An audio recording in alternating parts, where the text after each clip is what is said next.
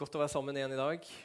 Kunne få prise Gud. Vi, eh, vi har det jo veldig spennende, syns i jeg, da, hvor vi holder på å gå gjennom andre Mosebok. Og vi tar liksom trinn for trinn av det som Gud gjorde der for ca. 3400 år siden. Og så prøver vi å forstå hva er det for en Gud vi møter her. Og eh, hva forteller det oss om han? Om hvordan vi skal leve med han og lære han å kjenne i dag. Så har du med deg Bibelen din, så kan dere få lov til å slå opp i andre Mosebok. Og det er kapittel 24 og vers 1-11 vi skal kikke på i dag. Har du ikke med deg Bibel, så kommer det opp på skjermen. Det er også mulig å bare rekke opp en hånd, og så kommer vi bort med Bibel til deg. Hvis du bare trenger en bibel, så bare gi et lite vink, så skal noen komme med Bibel. Nei. Det kommer som sagt opp på skjermen. Da skal vi lese en tekst som eh, som som sagt står i kapittel 24 i andre Mosebok, fra vers 1 til 11. Til Moses sa han, altså Gud, kom opp til Herren, du og Aron, Nadab og Abihu og 70 av de eldste i Israel, og tilbe på avstand. Bare Moses skal tre Herren nær, men de andre skal ikke tre nær. Folket skal heller ikke gå opp sammen med ham. Så kom Moses og fortalte folket alle ordene fra Herren og alle lovbudene. Hele folket svarte som med én røst og sa, alle de ord som Herren har talt, vil vi gjøre etter. Moses skrev ned alle Herrens ord. Om morgenen sto han tidlig opp og bygde et alter ved foten av fjellet og reiste opp tolv minnestøtter for Israels tolv stammer. Så sendte han noen unge menn av Israels barn dit bort, og de bar fram brennoffer og ofret slakteoffer av okser som fredsoffer til Herren. Moses tok halvparten av blodet og helte det i karene, og halvparten stenket han på alteret. Så tok han paktsboken og leste den høyt mens folket hørte på. De sa, 'Alt det Herren har talt, vil vi gjøre etter og lyde.' Moses tok blodet, stenket det på folket og sa, 'Se, dette er paktens blod.' Den pakten Herren har opprettet med dere alle på disse ord. Så gikk Moses opp sammen med Aron, Nadab og Abihu og 70 av de eldste i Israel. Og de fikk se Israels Gud. Under føttene hans var det liksom en brolegning av safirstein, og det var som selve himmelen i klarhet. Men mot disse fornemste av Israels barn løftet han ikke sin hånd. Slik skuet de Gud, og de åt og drakk. Ja, kjære himmelske Far, vi har bare lyst til å komme til deg igjen, Herre, med denne igjen litt merkelige og underlige historien, Herre. Som vi leser fra en svunnen tid, Herre, en tid som er annerledes enn vår egen, Herre, med, med ting som ikke vi sånn helt umiddelbart forstår, Herre, og oppfatter og, og ser er relevante for våre liv. Men Herre, nå ber jeg om at du ved din Hellige Ånd skal kaste lys Herre, på disse hellige ordene, som er så gamle, men så allikevel så fulle av liv og fulle av kraft. Herre. At din Hellige Ånd skal belyse dem, Herre, sånn at vi kan forstå dem med våre hoder, Herre, men også bli grepet av dem i våre hjerter, Herre. At de skal gjøre det de ble sendt til, Herre. Disse ordene er fra deg, Gud. Du er en Gud som taler i dag, og du taler i det gamle, og du taler i Det nye testamentet. Og nå ber vi deg, Gud, om at du må tale til våre hjerter, om at du må hjelpe oss til å forstå, Herre. Hjelp oss til å gripe hvem du er, og at vi skal få lov å gå herfra i dag. Ikke uberørt, Herre, og bare forvirra, Herre, men i stedet bli dypt berørt. Dypt forstå, Herre, dypere forstå hvem du er. Og la deg få gjøre det du vil i våre liv. Det ber vi om i Jesu navn, far. Jeg ber om spesiell hjelp til meg, som skal formidle dette i dag. Amen. Ok. Jeg har nevnt tidligere at i denne historien her, hvor Gud kommer til Israel, som er i fangenskap i Egypt, og frir dem ut fra det fangenskapet og slaveriet de er under, så er liksom høydepunktet i historien at de kommer hit, til dette fjellet, Sinai-fjellet, for å møte Gud. Og her er på en måte høydepunktets høydepunkt. Her er høydepunktet i dette møtet med Gud som Israel får. Og det er det for at her kommer de inn offisielt kan man si, i en relasjon. Et forhold til Gud. Her får de ha fellesskap med himmelens og jordens skaper. Og det ser vi jo at de spiser sammen med Gud, disse representantene for israelsfolket oppå fjellet der. Og en av de vakre, herlige, nydelige tingene med kristen tro, det er at vår Gud, i all sin storhet og herlighet og majestet, han er en personlig Gud. Han er ikke en upersonlig kraft bak alt, men han er en personlig Gud som ønsker et personlig forhold, en personlig relasjon med sine skapninger, og med deg inkludert. Ikke fordi han trenger deg, men fordi du trenger han. Gud trenger ingenting.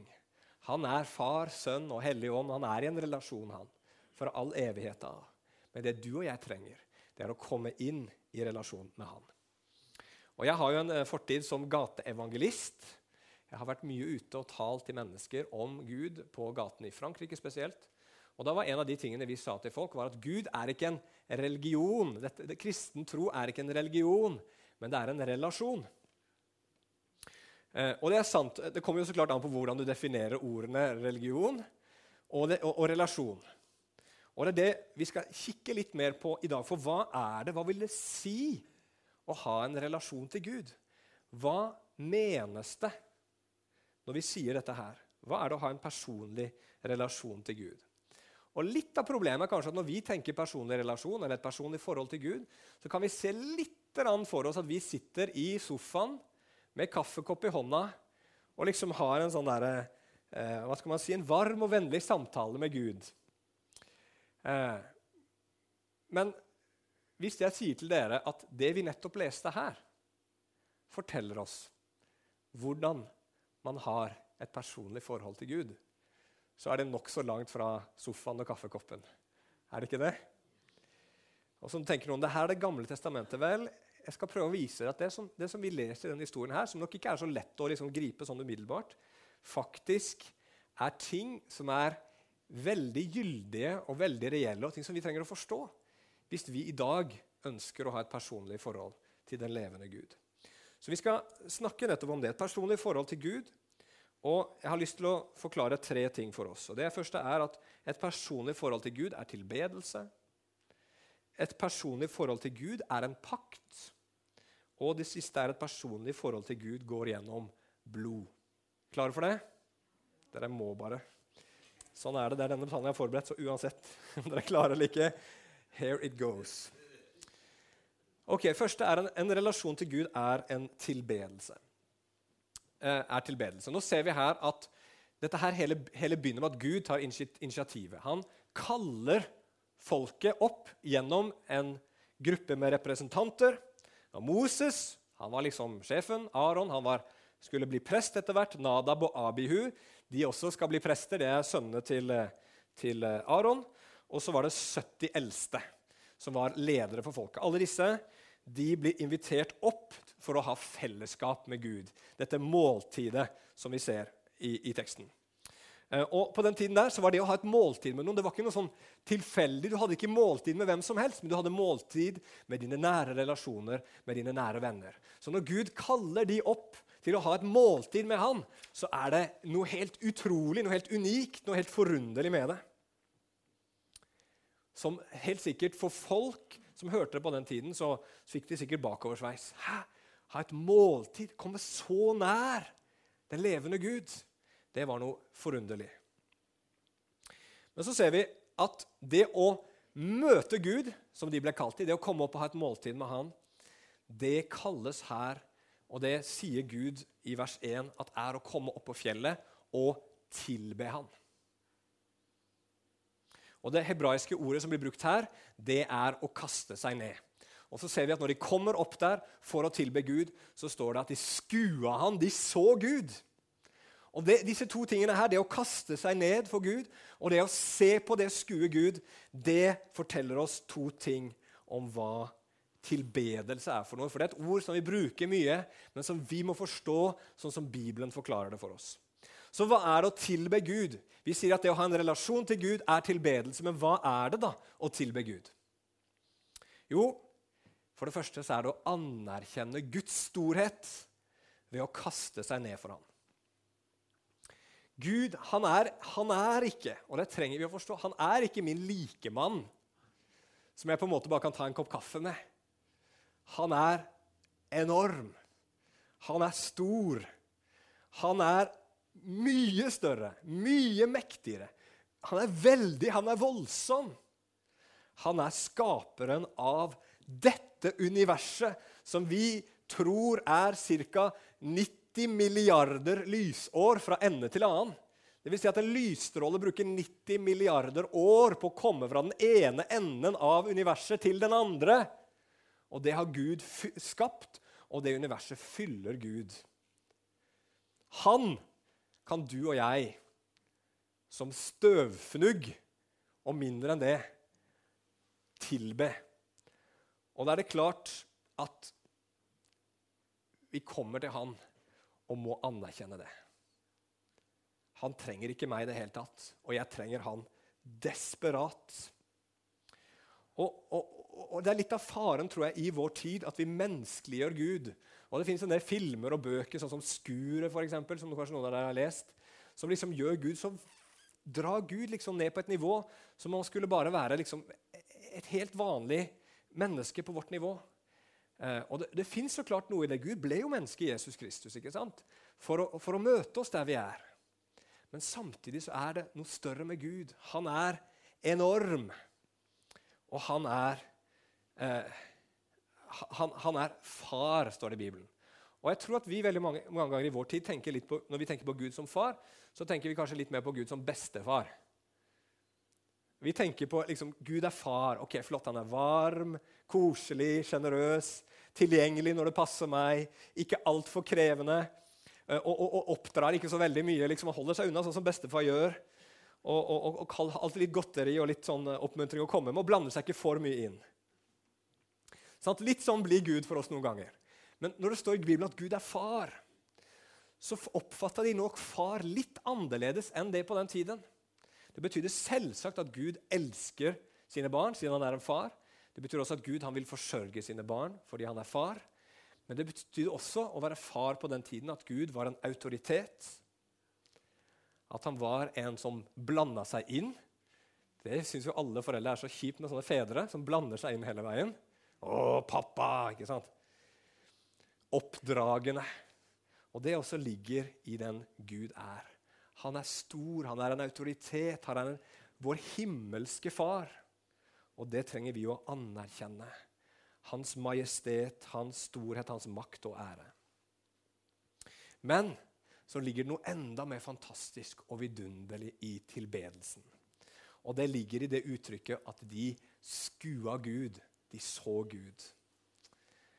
Og det å se på Gud, kjære venner, det er Og må Gud hjelpe oss til å få et glimt av det.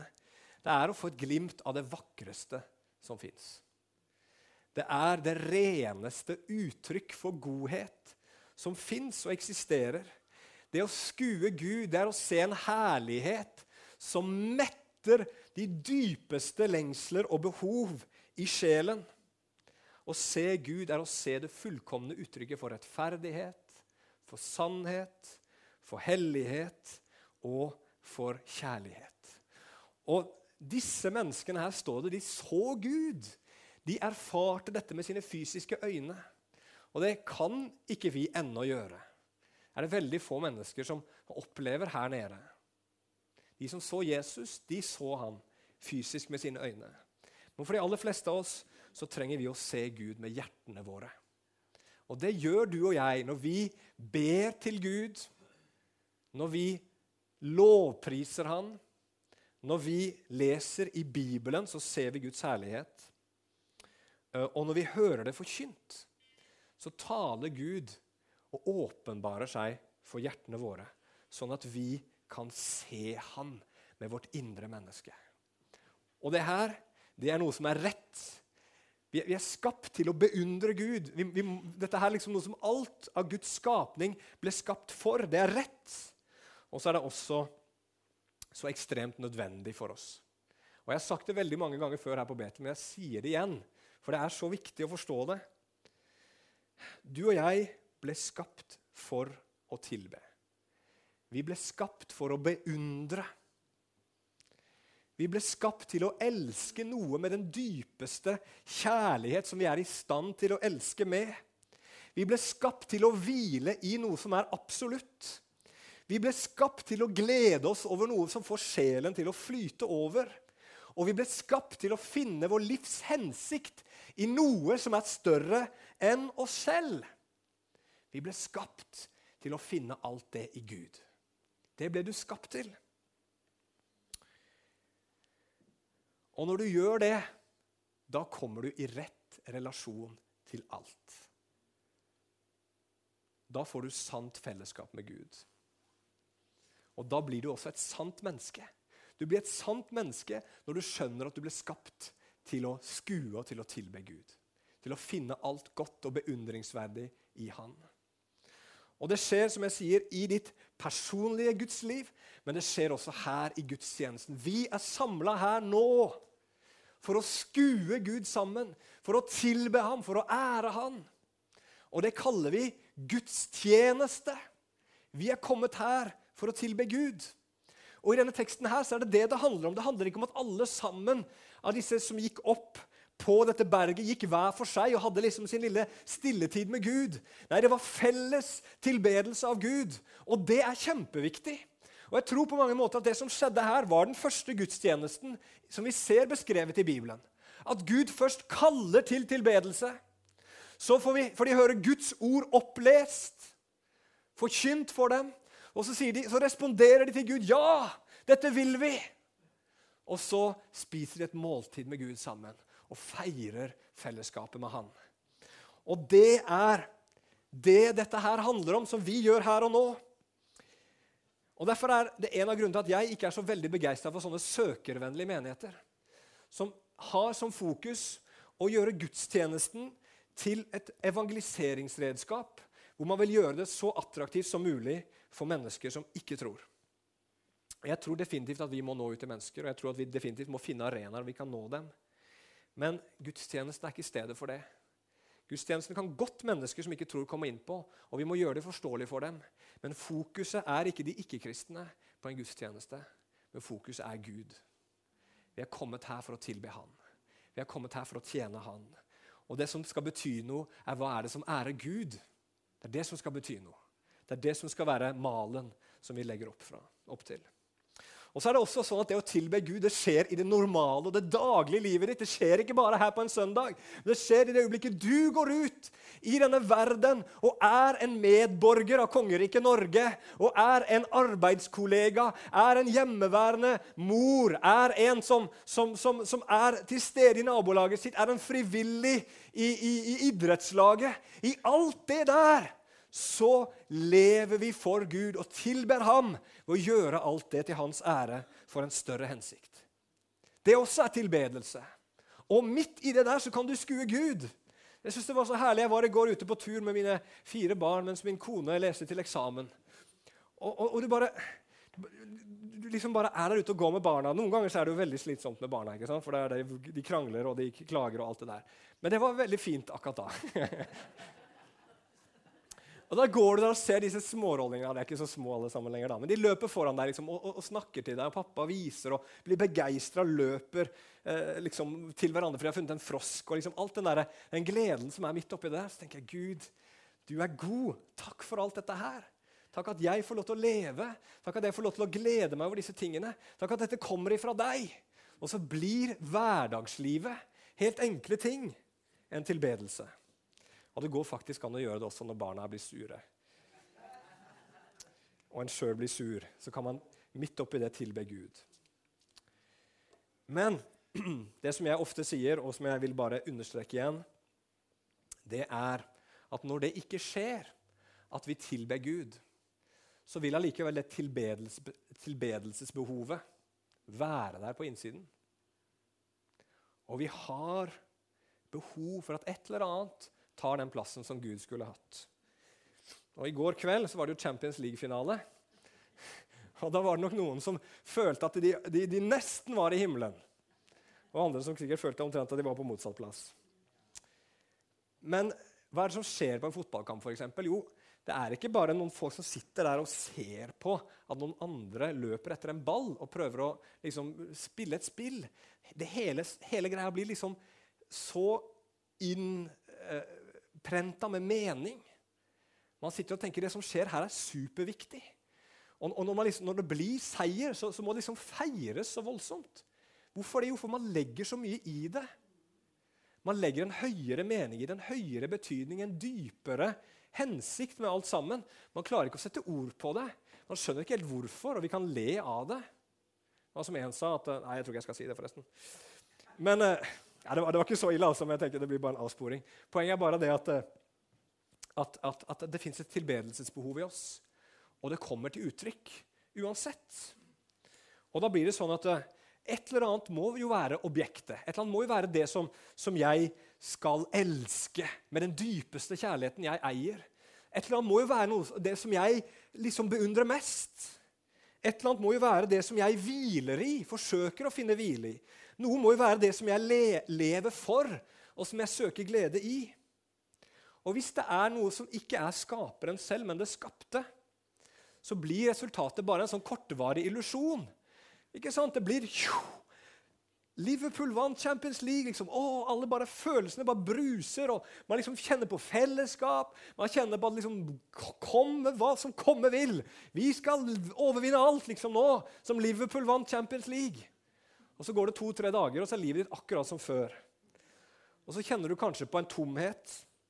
Og så kjenner du at det er fortsatt et eller annet som ikke stemmer, et eller annet som ikke er på plass. Det er et eller annet som er feil. Et, det er en slags sånn der disharmoni med seg sjøl og med virkeligheten. Og så ender vi opp egentlig i det, sier Bibelen, med å bli ødelagt eh, sjøl og ødelegge hverandre. Og Det er derfor verden er sånn en tragisk plass. Vi lever jo alle sammen i en verden som er mye verre enn vi får inntrykk av her i Norge. Og det kommer av dette her at vi ble skapt til å tilbe Skaperen. Og så tilber vi det skapte hele veien istedenfor.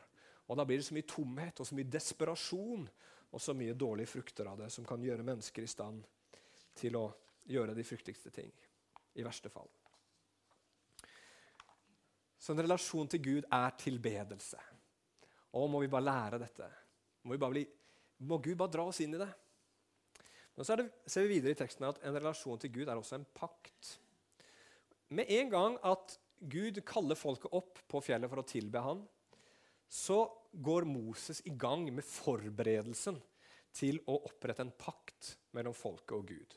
Og hva i all verden er en pakt? Jo, en pakt er en hellig, bindende avtale som uttrykkes gjennom høytidelige løfter, og som blir besegla med blod.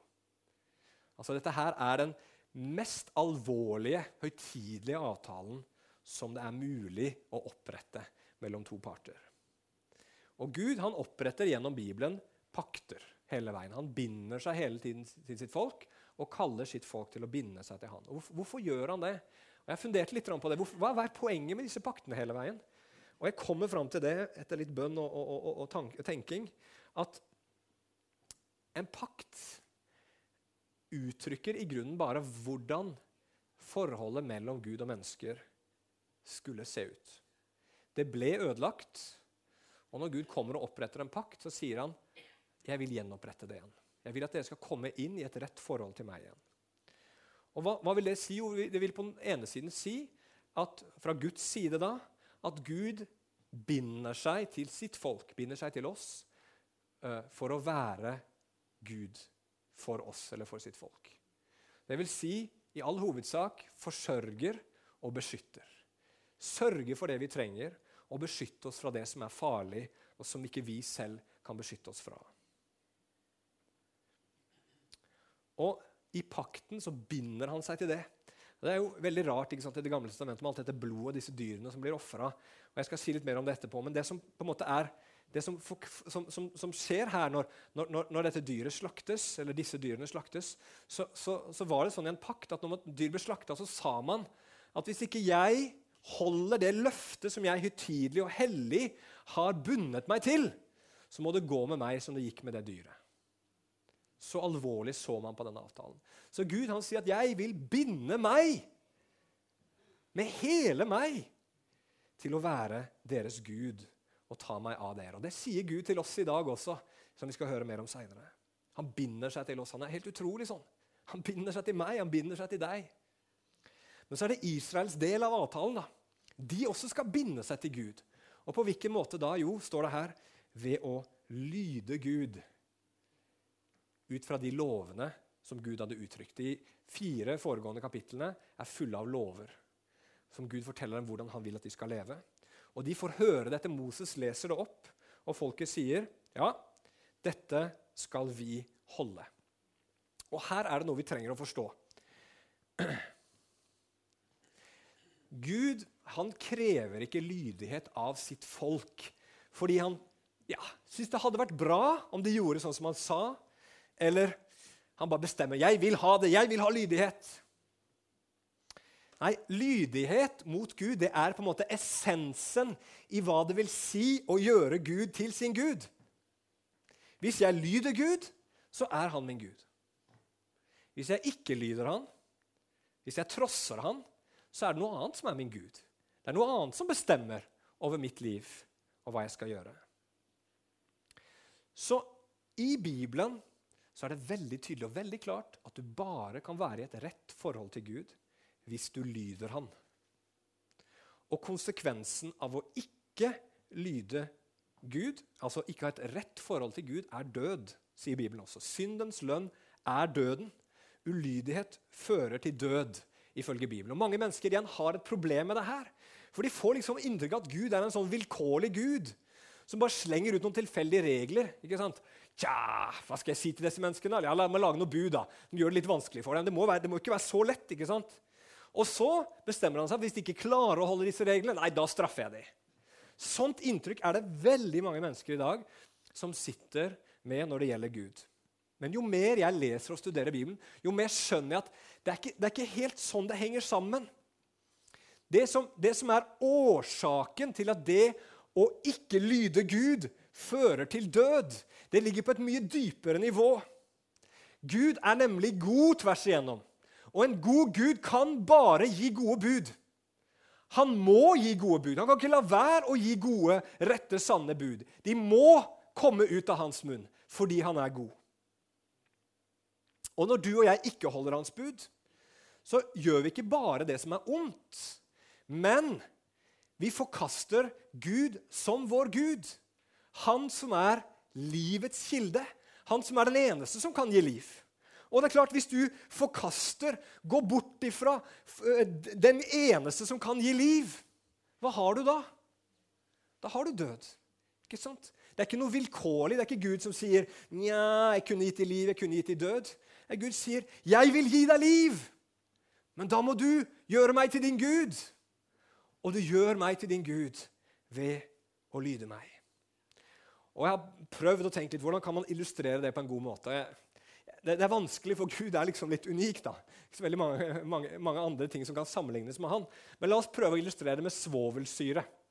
Svovelsyre har jeg funnet ut, er den mest produserte syren som fins i verden. For den er jo veldig nyttig, kan brukes til veldig mange ting. Så Derfor fins det mye svovelsyreproduksjon. Men for at svovelsyre skal være nyttig, så må det brukes på rett måte. Man må ha et rett forhold til svovelsyren. sant? Du skal ikke ha den i glasset ditt som du drikker fra. Det er livsfarlig. Svovelsyre må hele veien brukes på rett måte. Og Hvis du ikke bruker svovelsyre på rett måte, så er det ikke bare sånn at myndighetene noen ganger griper inn. Men kan være, myndighetene kan være fullstendig fraværende, og allikevel så straffer det seg å ikke bruke svovelsyre på rett måte. Skjønner dere hva jeg mener? Og Sånn er det med Gud også. Han er Gud. Han er livets kilde, og vi trenger å være i rett forhold til Han. Og Vi behandler Gud rett da, som sagt, og vi har et rett forhold til Han når vi binder oss til Han i lydighet mot Hans ord. Og Det, det finner du også igjen i Det nye testamentet.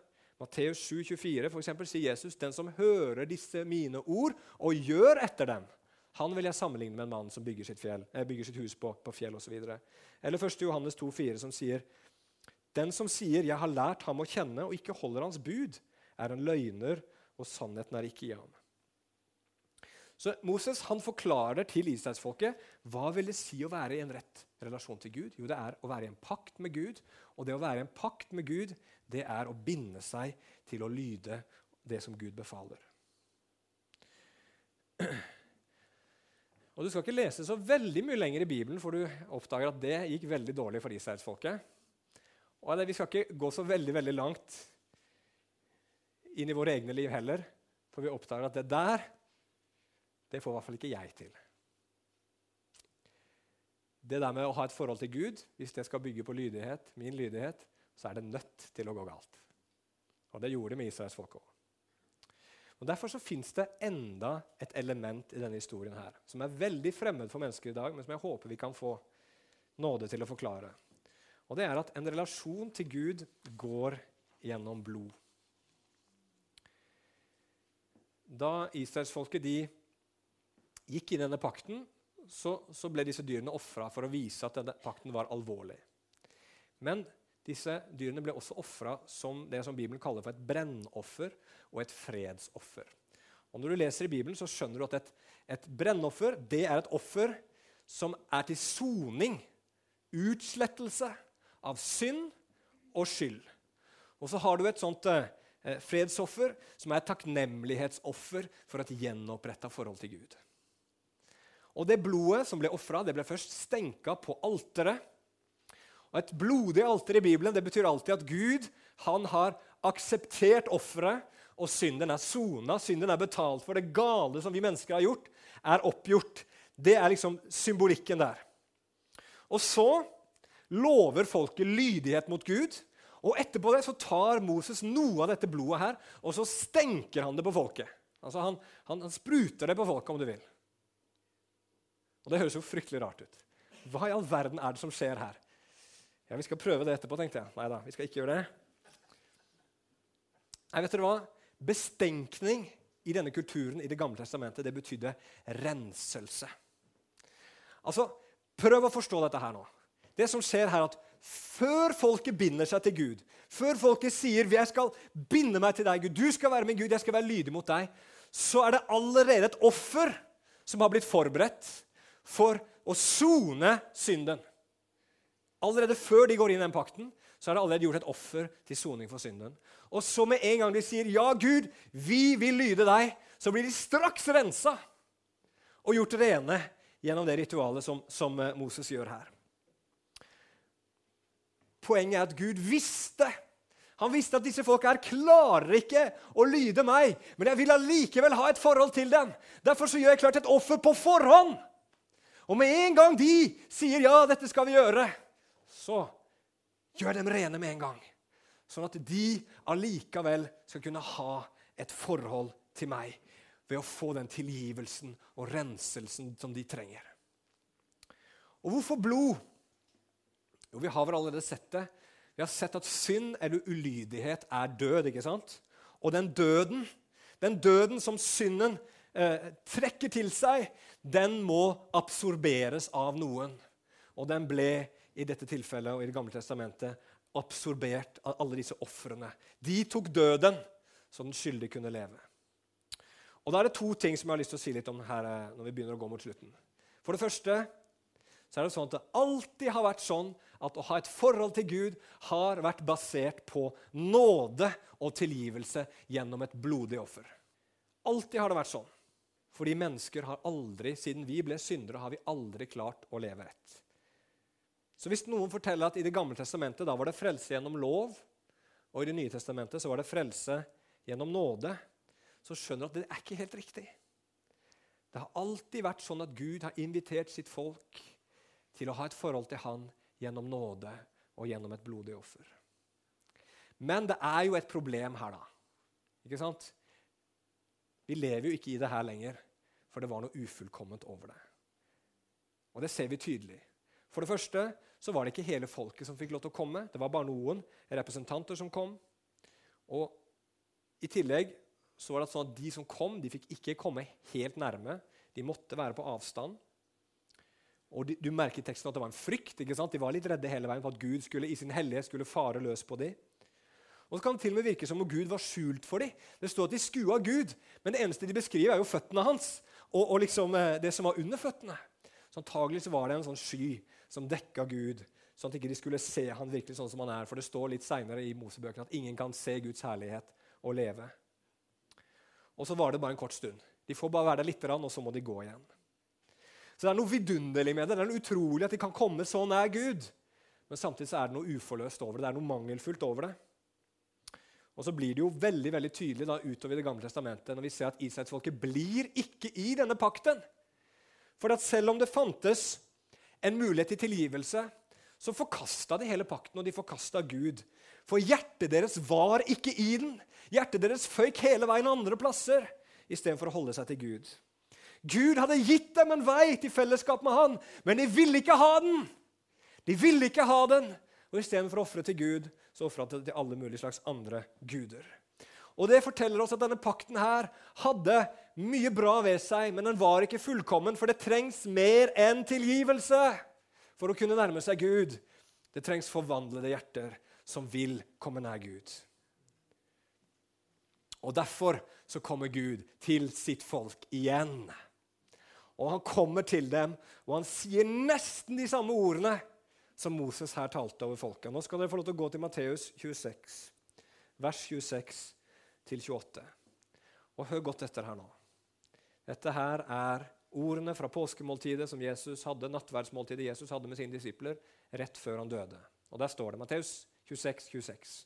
Og mens de holdt måltid, tok Jesus brødet, velsignet, brøt det og ga det til disiplene og sa, ta et, dette er mitt legeme. Så tok han begeret, takket og ga dem og sa, drikk alle av den. For dette er mitt blod, den nye pakts blod, som utgytes for mange til syndenes forlatelse. Her ser vi igjen Gud kalle mennesket til fellesskap med seg. Her er det igjen et måltid. ikke sant? Et paktsmåltid, et fellesskapsmåltid. Og så sier Jesus, som er Guds sønn, som er Gud blitt menneske, han sier at han kaller mennesker inn i et forhold til Gud gjennom en pakt, en ny pakt, som er besegla med hans eget blod. Og ordene er veldig like. Moses han sa til folket da han bestenka dem med blodet, 'Dette er paktens blod.' I, i, eh, eh, dette er paktens blod i den pakt som Gud inngår med dere. Og så sier Jesus, 'For dette er mitt blod, den nye pakts blod.' Nesten de samme ordene, bare med en ny pakt og et nytt offer. Og Det som skjer her, kjære venner, det er det som alle paktene i Bibelen peker på. Her kommer det fullkomne. Her kommer den fullkomne pakten. En pakt som bygger på et offer som virkelig renser fra all synd og skyld. For blod fra bukker og okser det kan ikke rense oss. Det kan ikke gjøre det det skulle gjøre. Men blodet fra Jesus Kristus, Guds hellige sønn, det renser oss fullkomment. Og da han døde på det korset, så absorberte han døden som var syndens konsekvens, over seg selv for at ikke du og jeg skulle dø.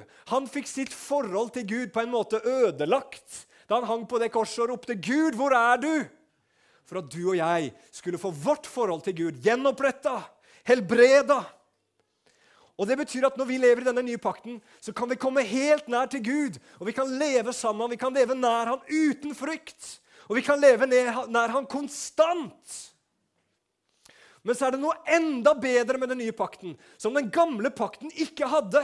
Og det er en oppstandelse. La oss lese disse ordene fra 1. Peter 1 og vers 1.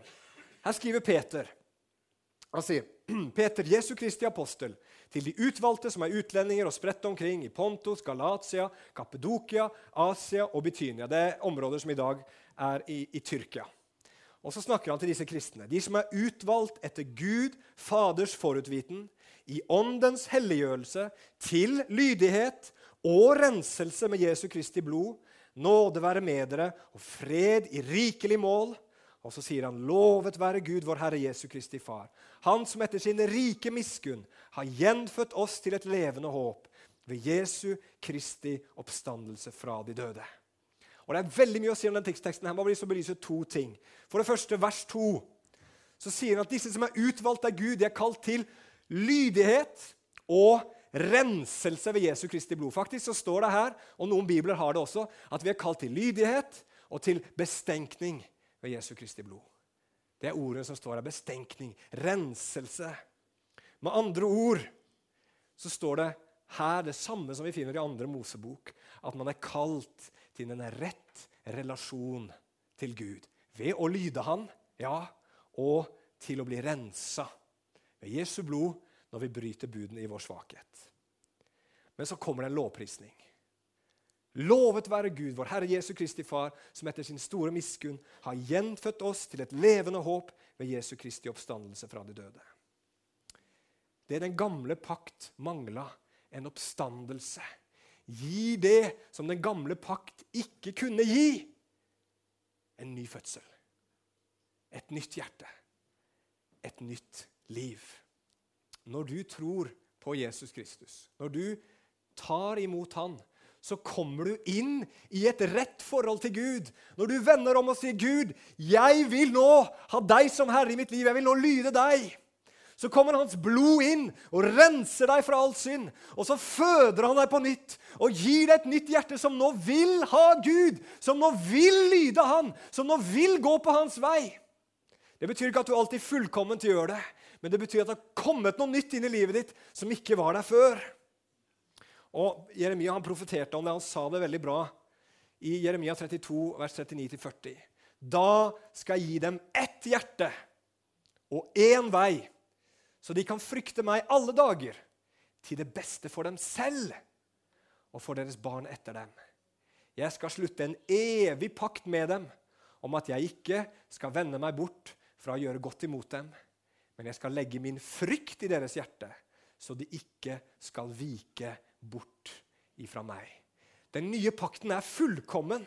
fordi at I den pakten så kommer Gud aldri til å vende seg bort ifra sitt folk pga. ulydighet. For der i den fullkomne pakten er all synd sona, en gang for alle oppgjort. Gud kommer ikke til å svikte deg pga. din synd. Gud kommer ikke til å svikte deg for at ikke du får livet ditt til. Gud kommer ikke til å svikte deg for at ikke du lever fullkomment etter hans bud og regler. For det fins et fullkomment offer som dekker over og renser fra all synd. Og så fins det også en vidunderlig god sannhet. At når du roter deg vekk og gjør det du ikke skulle gjøre, så kan ikke ditt hjerte tåle det.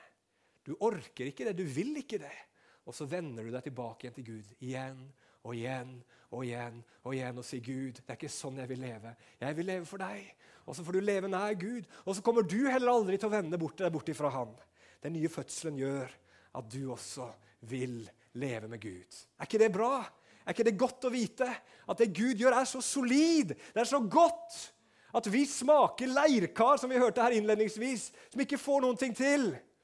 Vi blir båret av Gud på alle sider og alle kanter, helt inn i det nye livet som Gud har kalt oss til. Og La oss slutte med disse ordene som står helt i slutten av Bibelen, Johannes' åpenbaring 22, 17. Der står det ånden og bruden sier 'kom'. Og den som hører, skal si 'kom', og den som tørster, skal komme. Og hver den som vil, skal ta livets vann for intet. Gud roper til verden. Gud roper til hvert menneske 'kom'! Kom! Dere tørster. Her er livets vann. Dere lengter etter noe som kan gi dere liv. Her er dere. Dere lengter etter noe som dere kan beundre, som kan gi livet deres mening og absolutt trygghet. Det finnes her gjennom Jesus Kristus. Og Gud kaller med sin ånd hvert menneske. Han banker på vår dør. Han kaller oss inn i fellesskap til å ha måltid med Han. Så jeg står for døren og banker. Om noen hører min røst åpner døren, så vil jeg gå inn til ham, og vi skal holde måltid. Jeg med han og han med meg.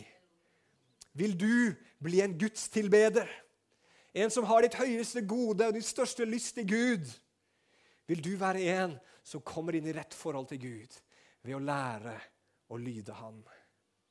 Vil du ha en personlig relasjon til Han som er livets kilde, til den allmektige Gud?